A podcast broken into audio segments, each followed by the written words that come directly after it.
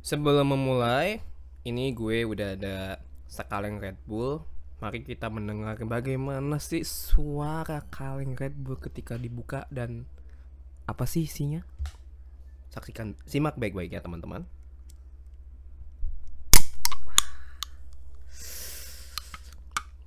Wah, ini enak banget kan suaranya tuh kayak ces.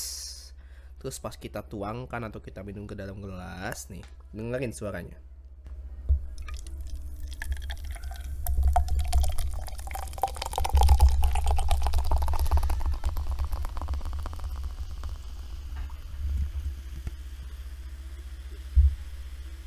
dengar kalian mendengar riakan-riakan sodanya itu adalah tangisan dari suara fans Hamilton di luar sana ketika Hamilton finish di peringkat 10.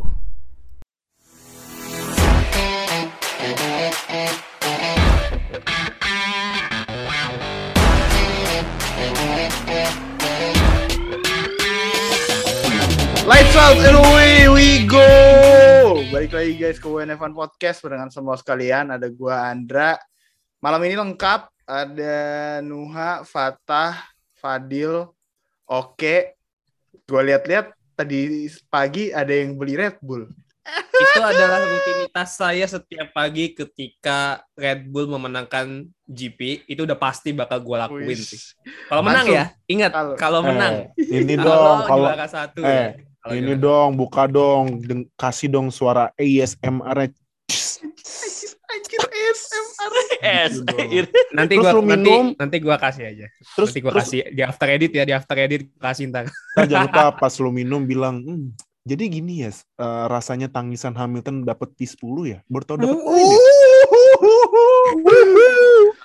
P10 dapat nanti, poin. nanti ya? gua nanti gua nanti gua record, nanti yang edit masukin suara gua di situ. Hmm, udah tuh langsung Mantap. Nanti dah Aduh, ini sekarang fans apa WNF1 sekarang ini terpecah ternyata kan, Eh, karena ternyata Ferrari juga ikutan di championship battle. Jadi ketika Nuha lagi party-partinya nih, Fatah sama Oke mukanya asem-asem aja. Kenapa? Gimana? eh Nggak, nggak perlu menang terus lah, nggak apa-apa. Wajib. ya, gini Ndra emang kalau udah keseringan susah terus ada di atas eh, bukit tuh humble-nya lebih tinggi daripada kelamaan di atas bukit terus jatuh emang dapat poin aduh, aduh, P10 pret Pakai pakai nanya, pakai nanya. Nanya P10 lagi. itu P10 dapat poin ya, Bang? nanya lagi ya Enggak menghargai. gila kehidupan privilege kelamaan dikasih jadi orang susah oh, nggak nggak betah gue gitu kan biasa emang gitu kehidupan privilege. anjing. Tapi ya kemarin race yang wow ternyata Saudi Arabian GP bisa seru juga ya. Ternyata walaupun ini harusnya ini tahun terakhir kan eh, jeda Harusnya, yang harusnya. street jedah yang street kan harusnya tahun Iya. ini terakhir emang, kan. emang pindah ke mana gue baru Bikin sirkuit sendiri, bikin sirkuit beneran, bukan bikin bukan bikin street circuit katanya nanti itu dong modal buat 2023. Jadi Ah.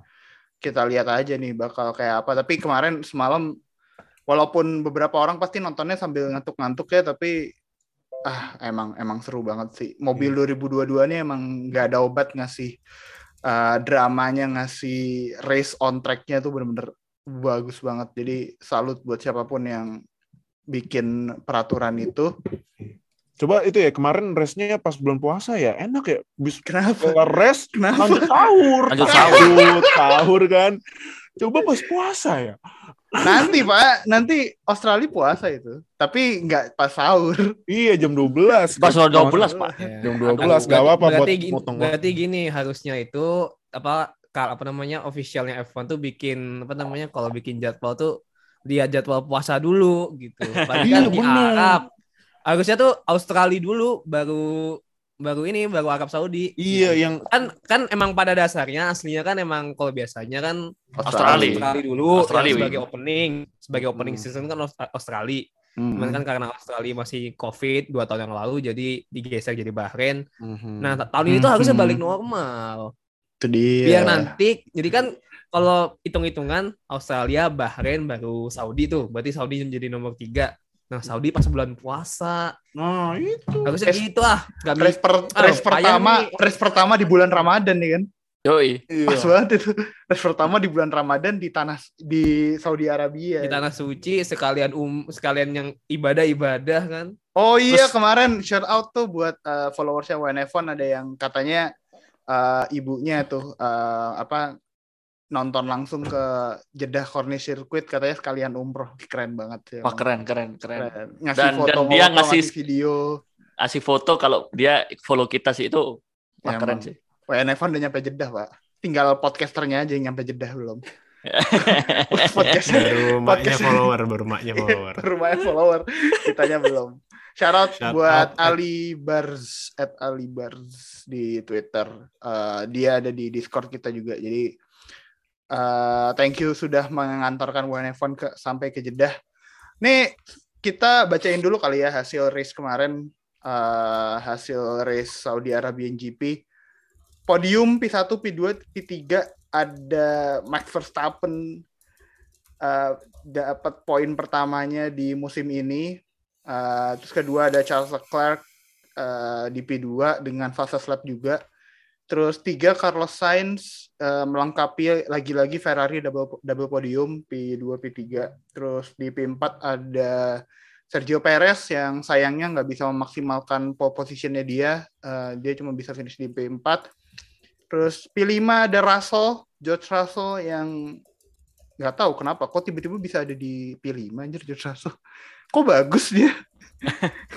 kok dia bagus? Gini loh, Ndra. George Russell kan orang susah kan kemarin pas di Williams. Pas dapat Hmm. mobil bagus tuh, oh nih gue dapat mobil bagus, gue Udah biasa. Udah Gak biasa. kayak yang itu tuh, gak usah gue sebut namanya. Ya. Sebut bang, sebut bang. Iya, bang sebut Ah. bang. Gua- nomornya aja depan 4 tuh. Lanjut lanjut lanjut. P6 ada Ocon eh, yang kemarin battle-nya keren banget tuh sama Alonso di beberapa lap pertama. Battle yang membuat penonton sukacita tapi membuat timnya ketar-ketir. Otmar ketar-ketir itu. Otmar ketar-ketir. Ketar-ketir. Oh iya iya iya. Otmar ketar-ketir. Tapi penonton seneng sih itu. Betul, jelas. P7 ada Lando Norris. Poin pertama McLaren buat musim ini.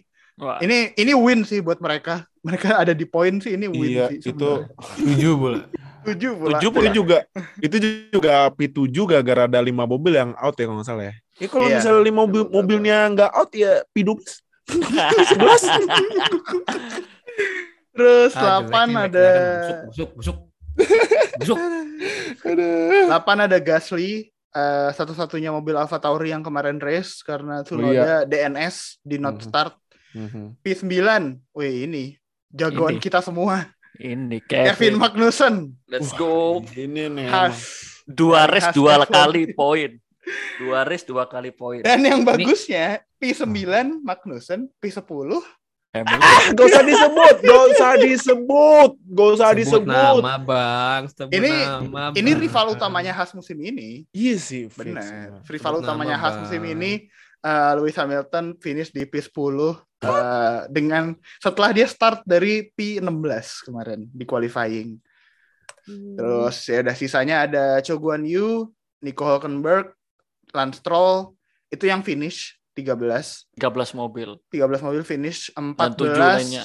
ada Albon yang out nih ada Albon yang crash di di lap terakhir. Lap-lap terakhir maksudnya bukan lap terakhir, di lap-lap terakhir sama Stroll.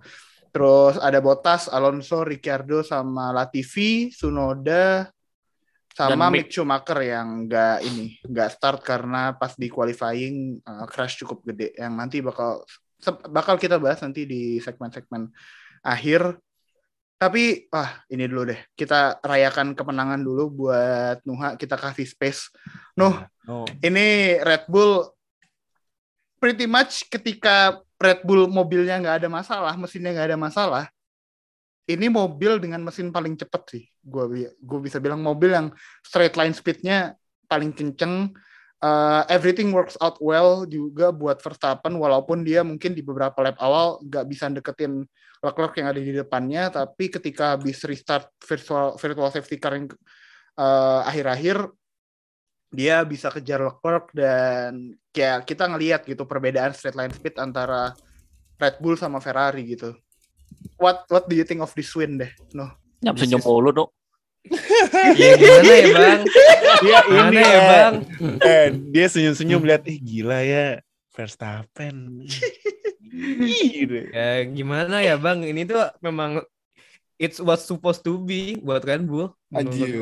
Anjir. Ya menurut gua di GP Bahrain tuh hanya unlucky aja sih karena kan fuel pump isu yang ya mungkin ada salah mapping atau mungkin itu apa full pumpnya bekasan mobil orang atau nggak tahu punya siapa kan. Tapi menurut gua sih ya di GP Arab Saudi kemarin is what Red Bull supposed to be ya. Karena Hmm. memang di satu sisi RBPT ini gila banget developmentnya. Gue pun juga nggak nyangka ternyata apa yang mereka lakukan ketika pre-season testing dan bisa menjadi salah satu yang paling cepat. Dan gue juga nggak nyangka juga ternyata Mercedes tuh juga downfallnya lumayan reg- regress gitu loh. Dan menurut gue salah satu downfallnya, bukan downfall sih lebih tepatnya kayak I don't know this is a mistake or not from Mercedes gitu.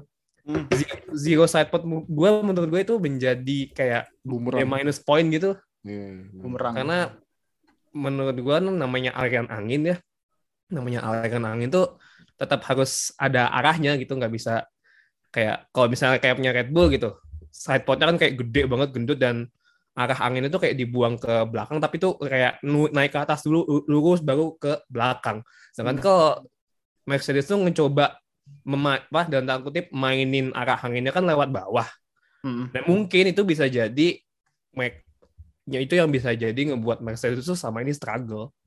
Dan gue merasa kayak beruntung aja gitu. Mercedes lagi struggle. Ternyata Red Bull mobilnya juga malah jadi makin kenceng. Ya salah satu sih karena faktor ini ya, faktor rulesnya pak rules terbaru ini, rules aerodinamik yang terbaru ini menurut gue emang bener-bener ngebuat potensial mobil Red Bull tuh keluarnya pol-polan, bener-bener jadi mesin mah udah oke ya dari tahun lalu. Hmm. Ditambah dengan rules aerodinamik yang baru, ya jadi makin tambah kenceng. Iya Karena sih. ya yang udah kita tahu Red Bull salah satu tim dengan aerodinamik yang paling bagus di F1 sih. Iya, ada Yap. new ada new emang otaknya. Avatar. Avatar emang. Avatar emang pengendali angin. Anjir. Kamu pengen AI bener aja Pengendali angin. Bener pengendali angin kan. Tapi ketika ngelihat apa yang terjadi di Bahrain ya, terus coming into Saudi Arabia, ekspektasi lu gimana sih? Kayak ya udah deh. Maksud gua benerin dulu reliability terus kita mungkin kita pasti bisa finish di atas atau lu kayak udah ya udah gue udah yakin gitu dengan uh, ini kemarin cuman satu kesalahan yang nggak begitu berdamage buat Red Bull dan udah yakin gitu kalau di Saudi mobil ini udah bisa finish gitu. Lu gimana sih lu kemarin ekspektasinya sebenarnya sebelum race? Kalau dibilang disuruh ngomongin ekspektasi, tentu ekspektasi gue Red Bull bakal terus compete ya. Hmm. Dan di Bahrain kemarin itu emang menur- emang itu kayak small mistake ya, tapi kan small mistake is still a mistake. Itu bakal tetap berpengaruh terhadap jalannya balapan ya. Cost-nya udah jelas pada di Bahrain kemarin, DNF, dua-duanya DNF dan menurut gue kayak itu sayang aja. Small mistake tapi kan namanya small mistake ya tetap aja kesalahan. Dan kalau misalnya small mistake ngaruhnya juga ke powertrain gitu jadi ya costnya juga bakal gede. Jadi menurut gue bahkan itu agak disayangin aja. Cuman akhirnya di redemption juga di Arab Saudi nggak ada masalah nggak ada masalah yang benar-benar serius. Hmm. dari free practice dari qualifying ya mungkin ada beberapa kayak Max Vers- Verstappen mungkin kayak time waktu timingnya aja yang mungkin ya ada mobil yang lebih cepat sih untungnya gitu. Ya itu tim sebelah lah tapi ya menurut gue lah. Itu lain cerita entah kalau tim sebelah. Iya. Cuman dengan Perez yang bisa di pole position untuk pertama kalinya menurut gue kedua mobil ini entah itu Verstappen dan Perez ya udah siap untuk compete sebagai untuk compete untuk mem- ya untuk mengambil constructor title menurut gue jadi this is what I expect lah menurut karena memang ya gue expectnya Red Bull bakal semakin bagus Hmm. terlepas dari regulasi yang udah gue omongin tadi dan dia deliver Iya, so tapi bener sih uh, pretty much clean weekend buat Red Bull emang kemarin itu nggak ada salah apa pun Perez unlucky beneran Iya nggak sih. hoki aja sih itu Perez. Tapi tapi itu juga lagi gue kan nonton Nalates ya. Hmm. Ferrari ya minjem-minjem taktik Mercedes, Mercedes, eh nggak boleh eh. Mermit Mercedes Mercedes. yang ngebluffing terus eh, Red Bull ngebeli bluffnya Perez masuk pit Leclerc tetap stay out tahu-tahu pas Perez keluar pit safety car anjir coba kalau nggak safety car bisa one two atau one three itu kemarin Iya makanya. eh, Wancu sih, pasti wancu Wancu itu, ya? auto wancu. Itu Uh. Soalnya Kayak- kalau so- soalnya kalau eh, tas, gini gini gini, gua gua gua gua ada pendapat menarik ini. coba gimana eh itu kan waktu start kemarin kan eh Ferrari P P2 sama P4 ya? Eh, P2 sama P3 ya? P2 sama P eh start apa setelah start? Start, Kalau start, start, start, start P2 sama P3. P2 sama P3. Itu kan Verstappen langsung di- langsung ngambil sense posisinya sense. Sense langsung Hmm. turun ke 4. Hmm. Itu kalau strategi berjalan nggak ada suatu apa pun, itu calculated ke balap gitu loh. Calculated Hmm. ke ke salib, ya wancu kalau menurut gua. Udah sesimpel itu. Soalnya gua ngelihatnya di akhir race, di akhir race ternyata Verstappen tetap bisa ngejar kan. Hmm. tetap bisa Hmm. ngejar Leclerc itu. Ya udah berarti udah calculated wancu. Sesimpel itu sih. Iya, benar. Itu juga bakalan terjadi kalau kemarin di Bahrain Red Bull nggak ada masalah sama power unit. Sesimpel itu. Itu yang bikin gua semalam itu kayak deg-degan. Ah, itu juga Sainz kan sebenarnya hampir kekejar kan ya sama Heeh. ya, Kecuali dia. kecuali kecuali kalau Sainz bisa nahan Verstappen, itu Ferrari malah bisa wantu. Ah, Soalnya Leclerc pasti bisa pasti bisa ngambil Perez. Yep, Gitu. yep. Yes, jadi emang pretty much clean weekend buat Red Bull. eh selain unlucky-nya Perez ya, itu kalau nggak ada kejadian itu, sebenarnya taktiknya Ferrari kan box to overtake ya itu Leclerc kemarin. Yes. Jadi kalau misal Perez di depannya pit, Leclerc nggak pit. Kalau Perez nggak pit, Leclerc masuk pit itu. Jadi emang call-nya ada di tangan eh, ada di tangannya Red Bull dan Red Bull akhirnya masuk pit dan ya ya apa yang terjadi ya kejadian gitu. Ya udah, tapi let's move on ke ah ini kalau gue bahas ini sekarang sih terlalu cepet nggak ya? Max sama Max lawan Max lawan Leclerc ini bakal jadi the new Hamilton lawan Max, tapi tapi dua ini bisa lebih clean dan lebih respectful kalau kata gue. Ah, Nggak bakal nggak bakal mungkin ada saat ada saatnya tensionnya dua pembalap ini sama-sama tinggi, tapi menurut gue nggak bakal collide sebanyak eh, Hamilton sama Verstappen musim lalu. oke. Kalau gue sih, kalau gue sih take gue sih itu sih. Kalau kalau lu gimana deh, tah? Eh, lu ngelihat pembalap lu nih, pembalap kesayangan lu akhirnya battle for Hmm. championship dan Hmm. pretty much pretty much beberapa momen he's being the smarter one gitu daripada Yep. Verstappen. Tapi kan Yep. eh, ngalahin Verstappen gak cuman dengan itu aja gitu. Eh, Iya, iya. Pretty much ini bisa clean. Menurut lu gimana tah?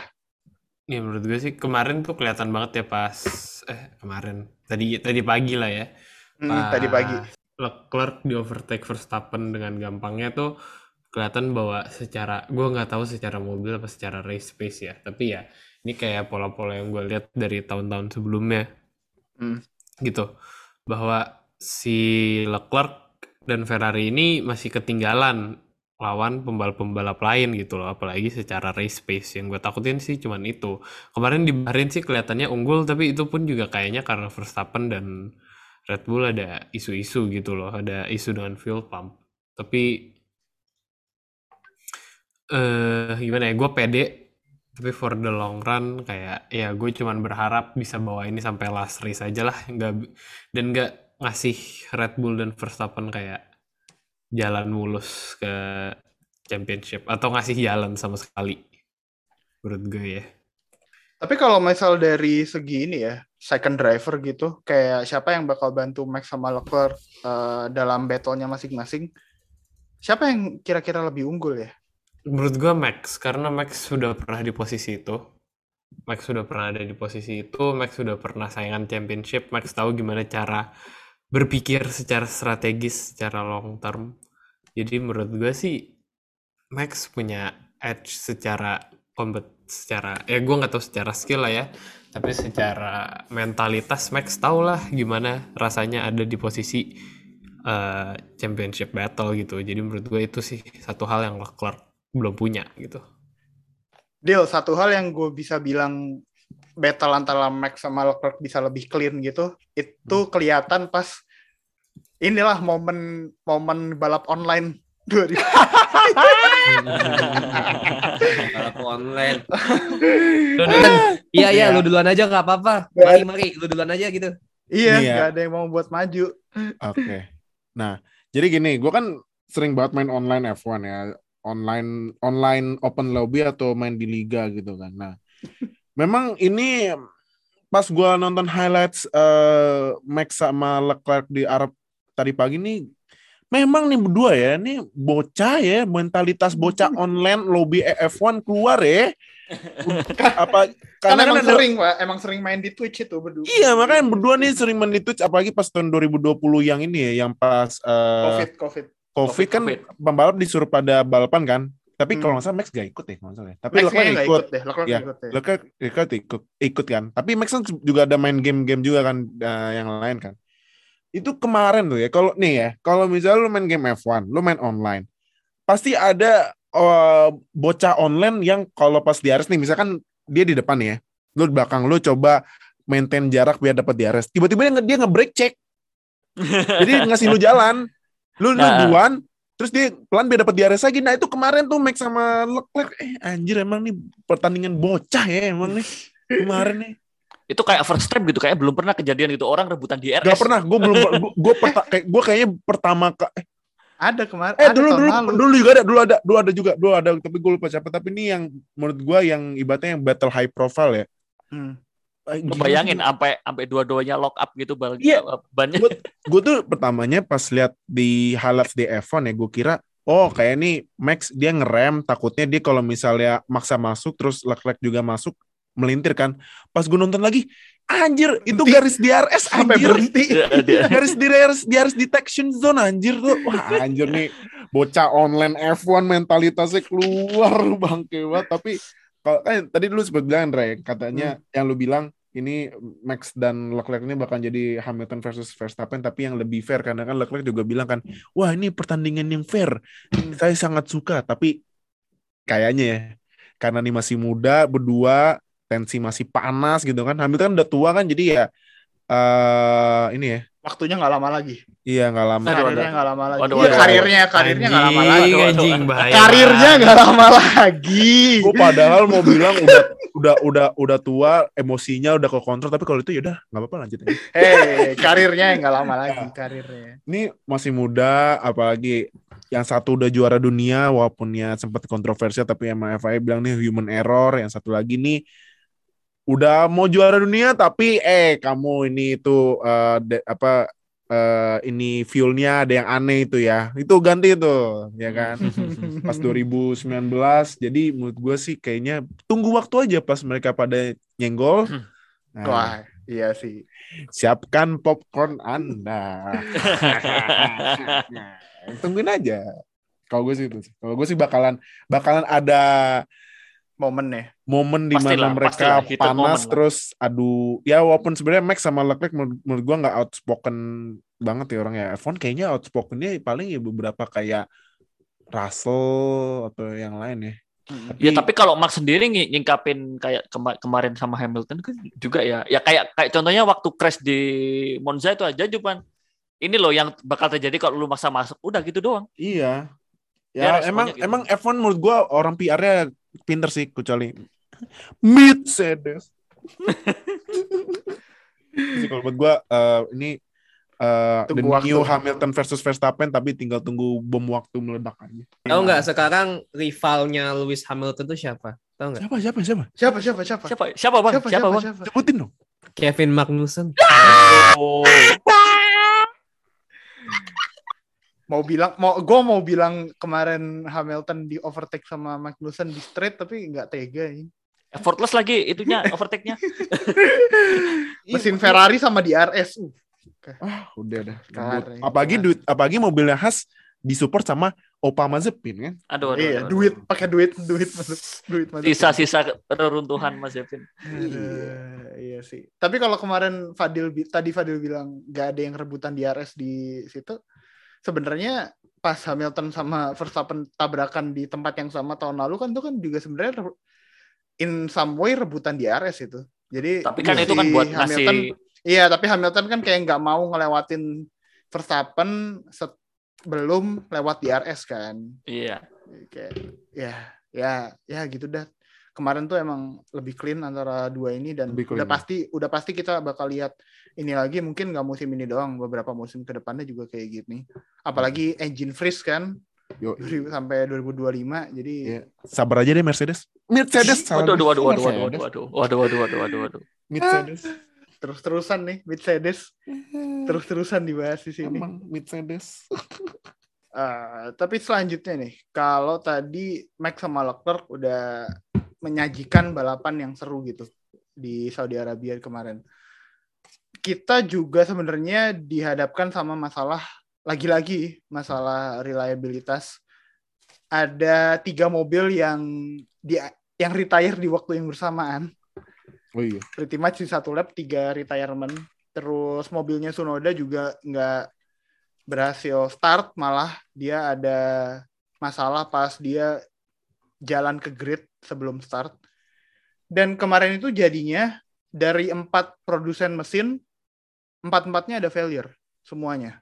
Sunoda, RBPT, eh, Ricciardo, Mercedes, eh, Alvaro Bottas, Ferrari, sama Alonso mesin Renault. Burnout. Yoi. Kayak lu udah baca-baca apa kayak soal masalahnya mereka ini kayak kemarin tadi. Hmm. Nah, balik lagi ya, kalau masalah kayak engine failure ini, gini, kalau masalahnya itu hanya terjadi pada satu tim, ah, satu orang saja dalam satu tim, itu kadang kakak di apa susah kok eh, ini Susah di- publik iya. publikasinya. Benar-benar. Nggak kayak nggak kayak Red Bull kemarin, langsung dua-duanya rusak, langsung muncul beritanya. Ini gua nemu itu ah, punya Alonso.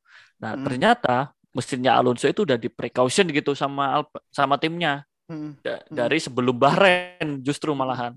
Sebenarnya mere- mereka juga bakalan sebenarnya mereka itu udah ada planning buat ganti mesin waktu di Saudi sebenarnya Ah. gitu.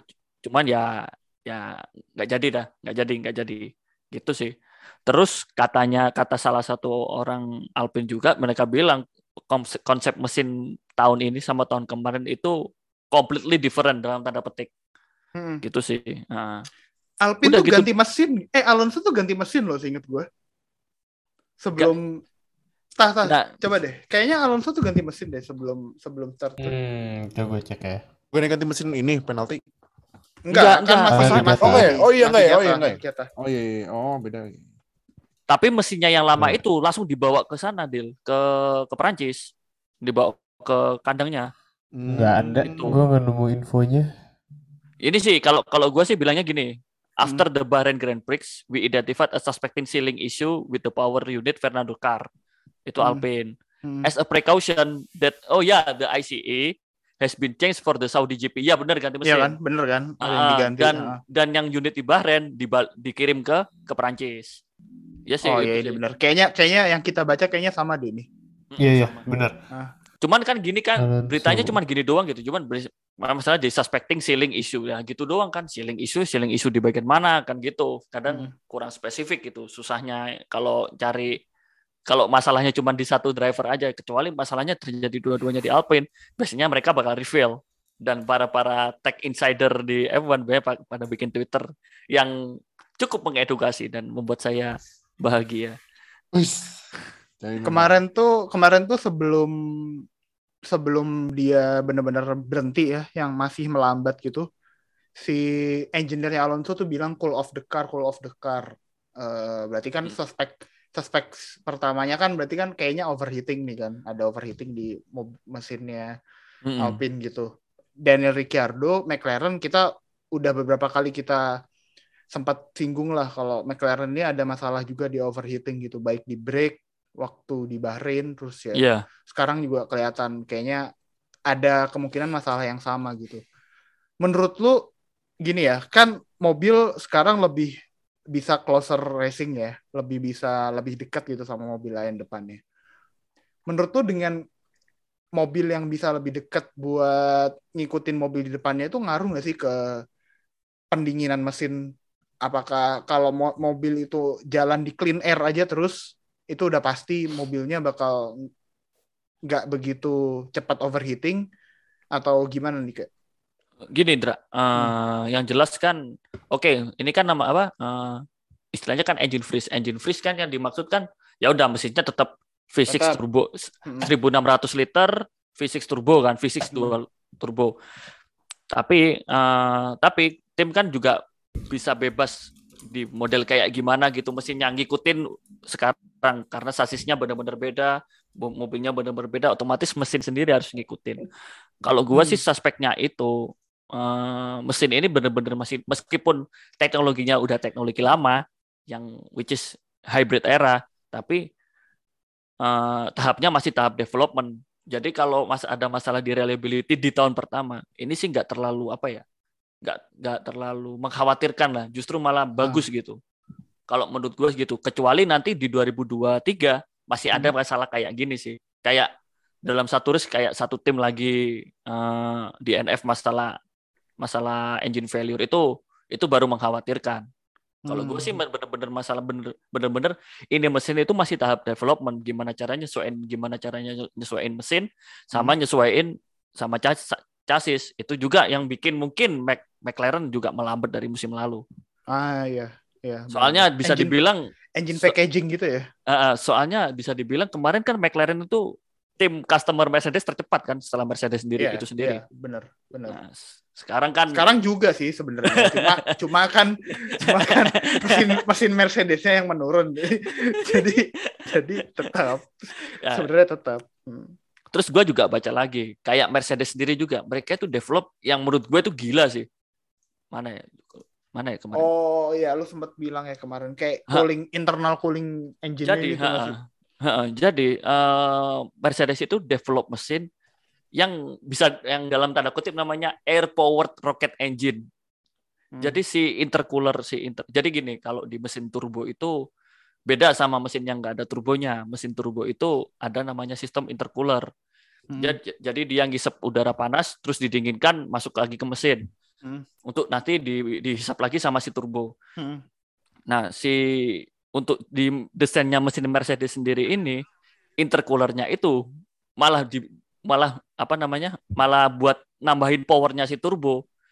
Nah, jadi mungkin itu kan masih tahap development atau gimana, makanya eh, mesinnya Mercedes pun kayak lack of pace aja sih.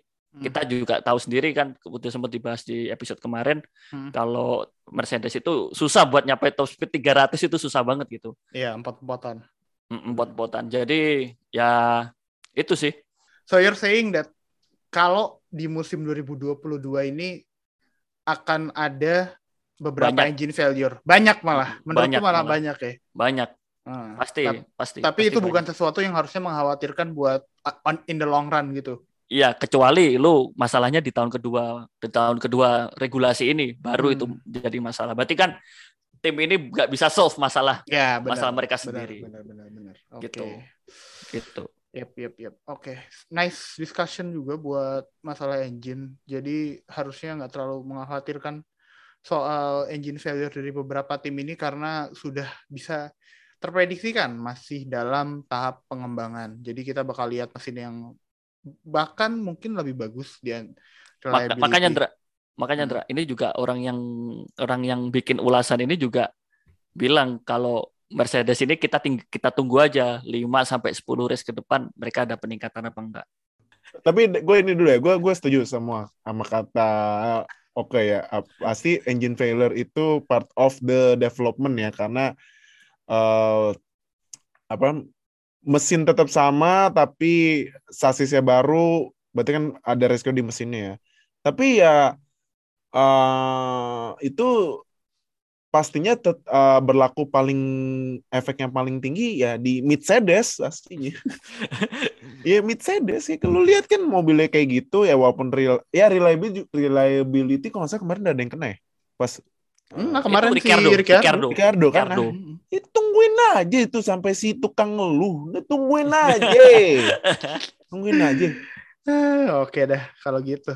Eh kemarin juga selama Arab ada beberapa yang kita bisa apa ya harus kita perhatiin sih. Karena ini udah jadi ini sebenarnya kalaupun kita pindah ke sirkuit beneran harusnya nggak jadi masalah. Tapi ini jadi catatan buat next street circuit yang nanti kalau misal ada street circuit lagi gitu which is udah kebanyakan street circuit sebenarnya di kalender F1 gak usah banyak-banyak. Eh masalah keamanan. Kemarin eh Mick Schumacher crashnya lumayan gede. Di mana? Di qualifying dia nabrak tembok beberapa kali terus sampai mobilnya ya udah hancur lah istilahnya. Malah kebelah dua gitu. Terus ini yang kejadian kalau lu crash atau kehilangan kontrol di track yang sempit kayak gini run off-nya nggak ada ya jadinya crashnya bakal kayak gini gitu. Terus Latifi dua kali bahkan. Latifi itu crash yang bikin pertama di qualifying qualifying satu yang kedua kemarin ketika race eh, jadinya safety car yang tadi bikin Perez nggak bisa unlucky gitu malah.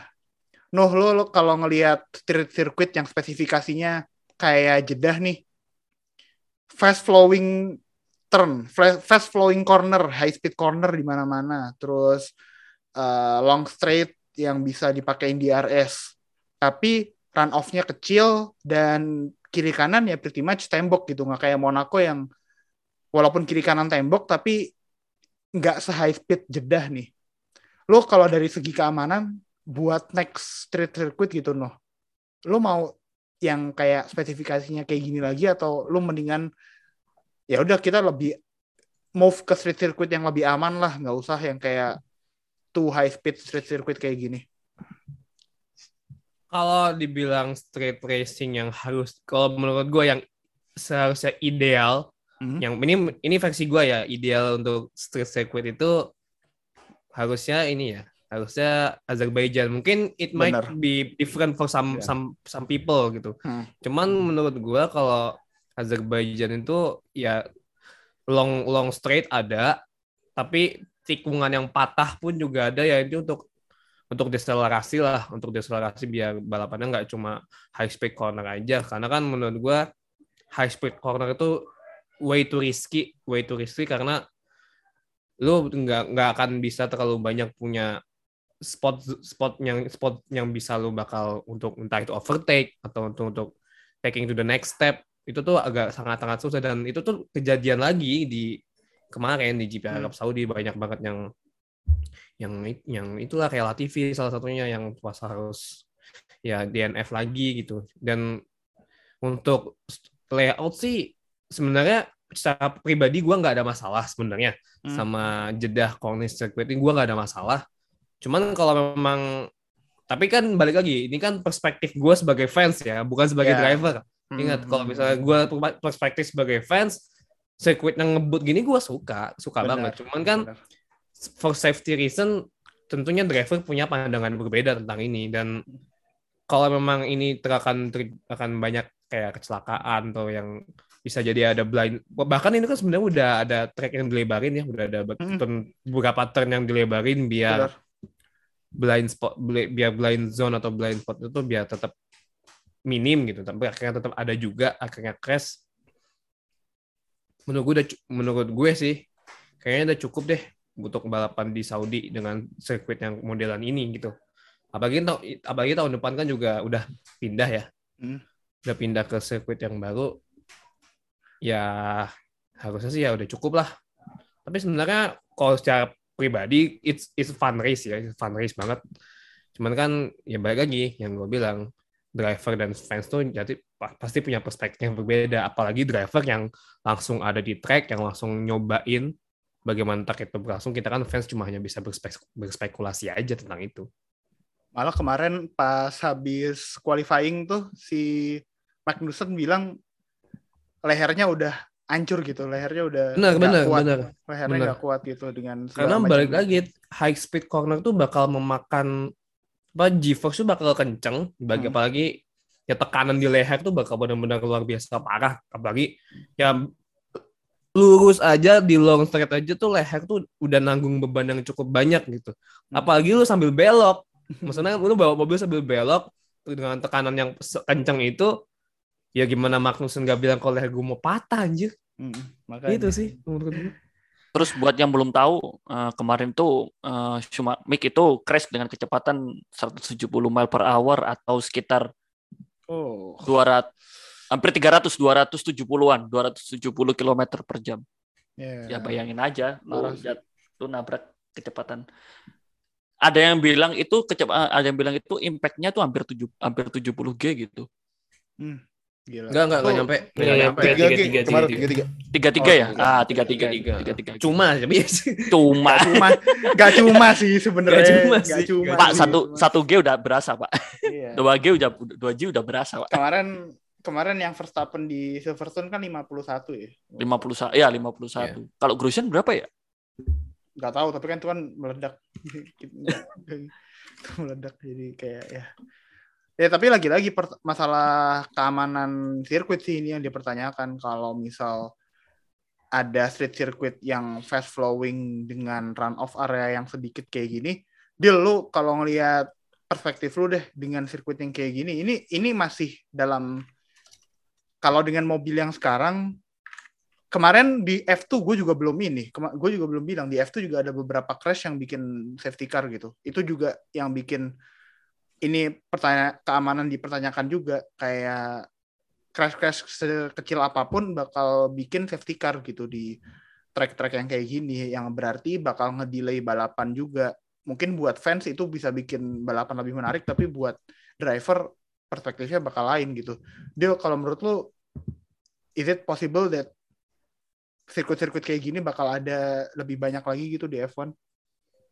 Menurut gua iya karena gini loh, bikin track F1 itu kan pasti butuh lahan ya. Butuh Herman Tioke juga. Yang please, please jangan sebut nama itu ya. Please. please. Nah, em, yang balik lagi ya, eh, bikin F1 itu kan kalau track itu butuh lahan ya kan. Lahannya harus gede banget kan. Hmm. Nah, ini kalau gua baca-baca nih Stefano Domenicali, Domiciali apa Wah, Domenicali? lahan lahan yang gede ya, eh Mandalika. Ah, eh. Aduh. Nah, tapi bentar. Nah, tapi bentar dulu. Ini gua, gua kayaknya bakal ada relate ke yang di negeri negeri tercinta ini. Nah, em, Stefano Domenicali apa Domenicali itu lah. Domenicali, Domenicali. Domenicali ya. Nah, dia bilang itu F1 kemungkinan besar akan menyelenggarakan setahun 30 races. 30 race. Buset. Masuk angin. Lu lu bayangin loh, satu ming satu tahun itu 53 minggu, 52. 30 races. Lu udah udah udah separuh tahun lu kerja cuy. Gila lu. Lu berarti bisa-bisa istirahatnya cuma sebulan loh. Buset. Iya kalau di total-total ya yang Iya, enggak- sebulan. Lu berarti kalau misal mau dirapetin itu nggak apa summer break nggak ada sih kalau menurut gua. Seminggu aja langsung gas. Kalau mau masih ada istirahat end of season ya. Nah, eh karena permintaan banyak itu menurut gua F1 nggak mau ambil pusing cari negara yang bikin tracknya kelamaan kan kalau bikin track. Jadi ya udah bikin aja street. Nah, Hmm. jadi gue belum tahu gimana Miami ya. Nanti Miami st- eh, street circuit kalau dilihat dari rendering di Assetto ini ya runoff-nya lumayan lebar ya. Tapi kan ada juga yang runoff-nya kecil ya kan. Apa bahkan yang gak ada runoff kayak Arab. Jadi menurut gue eh, bakalan expect bakalan banyak sih nih tim eh, apa yang pakai track jalanan Hmm. yang buat jadi uh, balapan F1 dan ya pastinya tim ogah itu race mulai pakai soft abisnya kan aspal beda sama track balapan kan Iya makanya. aspal kan degradation buat ban F1 jauh lebih tinggi karena kan aspal didesain buat ban komersil Hmm. ya kan Yap. gitu Hmm. nah itu kalau misalnya ngerelate ke sini kan gue denger ini kan katanya ada yang mau di deket-deket tempatnya salah satu podcaster kita nih kan Iya, ntar kan kita bakal ngirim drone. Ah sana. iya, nonton dari drone tuh, download dari drone nih, ya gitu kan. Nah, katanya sih mau dibikin di Bintang, kan, buat F1. Karena menurut gua setelah gua nonton, nonton Mandalika, oke lebar iya, karena kan ya MotoGP motornya kecil, ya kan. Ya kan, kalau dipasang F1 ya sempit juga. Nah itu juga Mandalika, lu mau nyalip paling juga di lurusan pas start buat DRS itu juga DRS zone cuma satu. Matu. Itu cuma Kayak atu. Imola dong. Gak, Iya. Iya beda tapi kan- jauh. Ya, tapi kan at least Imola itu kan abis di area zone kan masih abis yang yang kiri kanan kiri ya kan. Iya. Itu kan buat lurus lagi masih bisa nyalip lah. Ini Mandalika baru kanan, lurus dikit kiri ya. Gimana mau nyalip? Gitu. Emang Jadi- itu trek motor, trek Iya. motor itu udah. Iya, jadi kita tunggu aja di Bintan atau mungkin di Jakarta Jakarta Street Circuit. Enggak, Wah, enggak, wah, enggak, wah. menurut gua, menurut gua di Jakarta nggak visible sih karena satu aspalnya jelek. Iya, pasti sih. Apalagi kalau misalnya mau bayangin apa namanya street street racing di Jalan Sudirman Tamrin itu. Men itu Jalan Sudirman Tamrin aja itu udah ada ya? yang bolong-bolong. Eh, iya, makanya. Gua mah gak kasihan sama penontonnya, gua kasihan sama mobilnya yang ngejegak. Tahu-tahu patah kan mobilnya apa namanya parter yang patah gara-gara kejegak itu kan Iya. kasihan. gua mah. Bener, bener, bener. Itu mah udah udah udah bukan porpoising lagi itu namanya itu jeglok itu. Ini udah jeblok loh, udah pusing gua lawan sini, bukan pusing gagal pusing, pusing gua balapan di sini. Itu itu kalau balapan di ini, kalau balapan di apa? Di Sudirman gitu, lagi porpoising, lompat-lompat, mantul, tiba-tiba berhenti di depan Bopet Mini. Iya. Iya, iya, iya. Iya. Ya. Ya, Jadi enggak, balapan jadi- dah. Jadi namanya Parkir. jadi gini gini jadi di apa namanya di deretan yang Bopet itu buat teman-teman yang nggak tahu Bopet Mini itu apa kasih kasih tahu dulu jadi Ini Bopet- ini nggak bakal kita sensor, kita nggak mau sponsorship juga, kita emang Ini ini ini kita suka, suka kita aja, suka, biar suka. ini ini ini eh, review review jujur loh guys, aku nggak dibayar. Betul. Kita nggak dibayar buat ngomong ini tapi kita kasih tahu dulu jadi Bopet Mini itu adalah sebuah restoran tempat-tempat makan Padang An- an. yang ada di bilangan Bendungan Hilir jadi kalau Hmm. misalnya lu kalau naik MRT turunnya di Ben Hill, kalau misalnya naik busway turunnya di Ben Hill, jalan kaki dikit nyampe Bopet Mini. Cari aja sendiri di map Bopet Mini. Nah, Bopet Mini itu nanti jadi pedoknya. Anjir, bopet mini anjir bopet. Jadi Bukannya dikasih makanan apa energi bar nih, energi barnya rendang ya? Jadinya, jadi kan Indonesia sekali local Oh, things banget iya. gitu. Jadi kan Iya. wah Indonesia banget gitu Iya. makanya rendang. Anjir. Jadi kan- anjir. jadi Jadi nggak cuma bagian nggak nggak hanya staff yang di pedok doang. Jadi apa sih namanya? Kalau yang eksklusif di F1 tuh F- F1 pedok. F1 Pas, pedok pedok pas. F1 pedok pas. Nah, ya. Pedok pas. F1 pedok pes tuh makannya juga bopet tapi prasmanan. Nah, itu. Oh, Bobet Oh, Prasmanan. bebas ambil sepuasnya dah. Lu Sama nas- bebas ambil sepuasnya. Lu mau pilih kendang, mau pilih ayam bakar, Nasi goreng, nasi goreng. Nasi goreng. goreng. Lu pes- jangan lupa pesen nasi goreng kalau dipanggil yang nasi goreng saya saya saya saya saya cerdas cermat saya saya duluan duluan. Jangan lupa minumnya bubur kampiun. Penutupnya bubur Bubur kampiun. Oh. Enggak, gue ngebayangin sih lucu aja kalau misalnya ini apa driver F1 ngumpul 20 gitu lagi pada makan di Bopet. Ya ngambilnya macam-macam lah. Ada yang ngambil apa, ngambil apa terus tiba-tiba ada yang pesan nasi goreng gitu. Ternyata nggak cuma satu orang, ada misalnya lima orang, lima orang driver yang pesan nasi goreng gitu kan. Terus apa mas-masnya atau nasi goreng, saya, saya, saya, saya, saya gitu kan. Taunya yang pesen ini siapa? Siapa, Siapa tuh? ya? itu pokoknya nanti kalau udah udah dimakan tuh nanti eh, dijadiin konten kan nasi goreng enak. Iya, Yes. enak. Tau-tau ada yang ngedumel satu. Ya. Oh, jadi deh. sorry kalau yang ngedumel tuh dia harus vegan makanya vegan. Oh iya, Oh Vin. Plant iya. based diet. Iya, Plant based iya. diet. Tak gua kasih tahu nih, plant based diet tuh yang suka Plant ngedumel based, itu. ya. Oh, Jadi iya, kalau iya. Bener-bener. jadi kalau dia ke Bopet makannya cuma makan sayur. sayur singkong ya. Sayur singkong, Sayur nggak sayur nangka, Sayur sayur nangka. nangka. Kasih Anjir. ketupat, ketupat sayur, ketupat sayurnya enak. Ya, tempat sayur ya, Bu. Tempat sayur boleh sih, Fabi, Fabi. Anjir jadi ngomongin Bopet. Iya, gue ngomong Daniler nih malam-malam. Oke dah. Jadi ya itu kita tutup saja review Saudi Arabian dengan ngomongin Bopet. Eh rating deh race kemarin eh tah rate-nya berapa tah lo kalau dari race kemarin? Eh, setengah tidur out of 10 yes gue gak nonton gue gak nonton gue gue gue nonton cuman kayak misal nih gue merem gue mikir kayak ah merem bentar terus nanti tiba-tiba dibangunin udah lap 14 Oh. terus nanti gue tidur bangun-bangun lagi udah lap 24 gitu pokoknya gue cuma nonton kayak 8 lap terakhir sih sebenarnya itu juga samar-samar jadi kayak gue bukan orang yang tepat buat ngasih rating jadi gue serahkan ke yang lain aja deh buat ngasih Asik. rating Sangat diplomatis. Iya. harus harus fair harus fair lah Gua rasa Fadil nggak nonton sih kemarin. Gua Skip. nonton tapi gue nonton eh, Highlight, tetap- cuman highlight. gua gua kasih skor gua kasih skor 8 dari 10 karena ya pertama lu udah dikasih gambaran inilah eh, musim 2022 Leclerc waduh, versus waduh, Verstappen pertandingan ketat tapi fair J. Yes, yes, Tapi gue gue gue tetap bilang tunggu bom waktu aja. Ini perlu direbus gak nih? Perlu direbus gak nih? perlu direbus. Oh nanti rebus-rebus media tungguin aja, tungguin aja kalau misalnya udah ada senggolan kita rebus. Nah. Eh, terus yang kedua eh kebangkitan Ferrari ya dan juga customer customernya dan ketiga pastinya kehancuran Mercedes. gue mitnya gue kencengin Mercedes. Aduh, no. Lu? no? Gue juga sama sih, gue nggak nonton sebenarnya. Gue nonton highlight doang Kalau karena iya. jam 12. Cuman gue emang udah positif, yakin kalau memang Waduh, waduh, waduh. Red Bull yang menang. Jadi Waduh. and they deliver and rating gue adalah you love to see it. Yeah, you love to You see love it. to see it. You love to see it. Adminnya Mercedes tuh, adminnya Mercedes sama adminnya Red Bull tuh anjing di Twitter.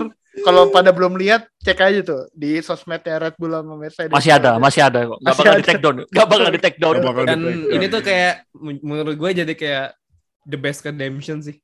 Karena tahun lalu kan ya gitulah, Gitulah. di yang yang yang bikin tabrakan di zone di DRS zone itu terus akhirnya kos nggak bisa juara di Saudi akhirnya harus puasa di Abu Dhabi. Ya, sweet lah. Sweet, sweet. Sweet. Terus mungkin kalau buat ngelengkapin, eh, mungkin adminnya Mercedes juga ngomong, kayaknya kita tuh masih rival. Tapi di Twitter udah gak di track. Ya, Iya lagi, iya lagi. Iya kan bener-bener emang. Gak salah sih, gak salah, gak salah. Rivalitasnya di sosmed anjing, iya lagi anjing. Kayak lo berapa deh kayak ratingnya? gua gua sebenarnya baru semangat nonton itu setelah safety car. Gua 8 per 10. Hmm. Soalnya itu dua dua puluh eh duanya dua poinnya itu gua agak bosen sih lap start list sampai posisi 16 itu. Ya, ada nggak- ada beberapa ada beberapa momen di tengah tuh yang agak stale, ada agak nggak ada apa-apa gitu. Hmm, hmm. Hmm, benar-benar. Ya, oke lah. Gue juga sama. 8 per 10. Eh ya, race di akhir tuh rebutan di RS tuh masih epic sih buat gue kayak Iya, bocah online emang bocah online F1 emang tapi tapi kalau gue boleh bahas, bahas dikit aja. Hmm. Kalau menurut gue kalau misalnya tetap pasang di RS, F1 harus tetapin peraturan itu jaraknya Baru jangan satu sih. detik, Ya, satu setengah. ya. Satu mungkin setengah. dengan regulasi sekarang aturan satu detik itu mungkin udah agak nggak relevan ya. Gitu. Iya, karena terlalu rapet, makanya jadiin satu setengah aja. Dan terlalu gampang jadinya apa Iya. overtake pakai di RS tuh. Jadi kalau misal Hmm. satu setengah detik tuh kan berarti kan lo masih ada jarak Iya. agak jauh tuh. Nah, Hmm. itu ketika masuk ke corner harusnya masih ada jarak juga buat lo defend atau lo buat lo mau masih bisa mau dive bomb gitu. Jadi kalau misal aturannya diubah di RS gue juga setuju sih. Mm-mm. Harus ada yang diubah dari aturan di RS. Dan gua harap orang-orang di F1 ngerti sih ini. Maksudnya ngerti cons- mereka concern lah akan isu ini gitu. Mhm. Maybe Mudah-mudahan. maybe bukan maybe nggak bakal tahun ini tapi eh, harapannya bakal ada update lah ke aturannya di RS supaya jangan terlalu gampang buat overtake pakai di RS gitu aja sih. So yeah, that been a fun session of review Saudi Arabia GP. Fun race, fun podcast juga. Eh, thank you Nuha, Fadil, oke Fatah. Nggak ada yang salah gue hari ini. Nggak ada yang gue salah sebut. Itu semua gue Ikut semua, Pak. ikut semua soalnya. Jadi thank you semuanya. Eh, jangan lupa follow ke sosial media kita ada di @1official di Instagram, Twitter sama TikTok. Terus Discord server kita jangan lupa join. Eh, linknya ada di pin tweet kita di Twitter paling atas. Jadi langsung klik linknya, langsung join ke Discord server dan ngobrol F1 sama orang-orang yang udah ada di Discord server kita juga. Thank you buat semua yang udah dengerin and we'll see you guys in our next episode. Bye guys. See you in Melbourne. You. See you in Melbourne.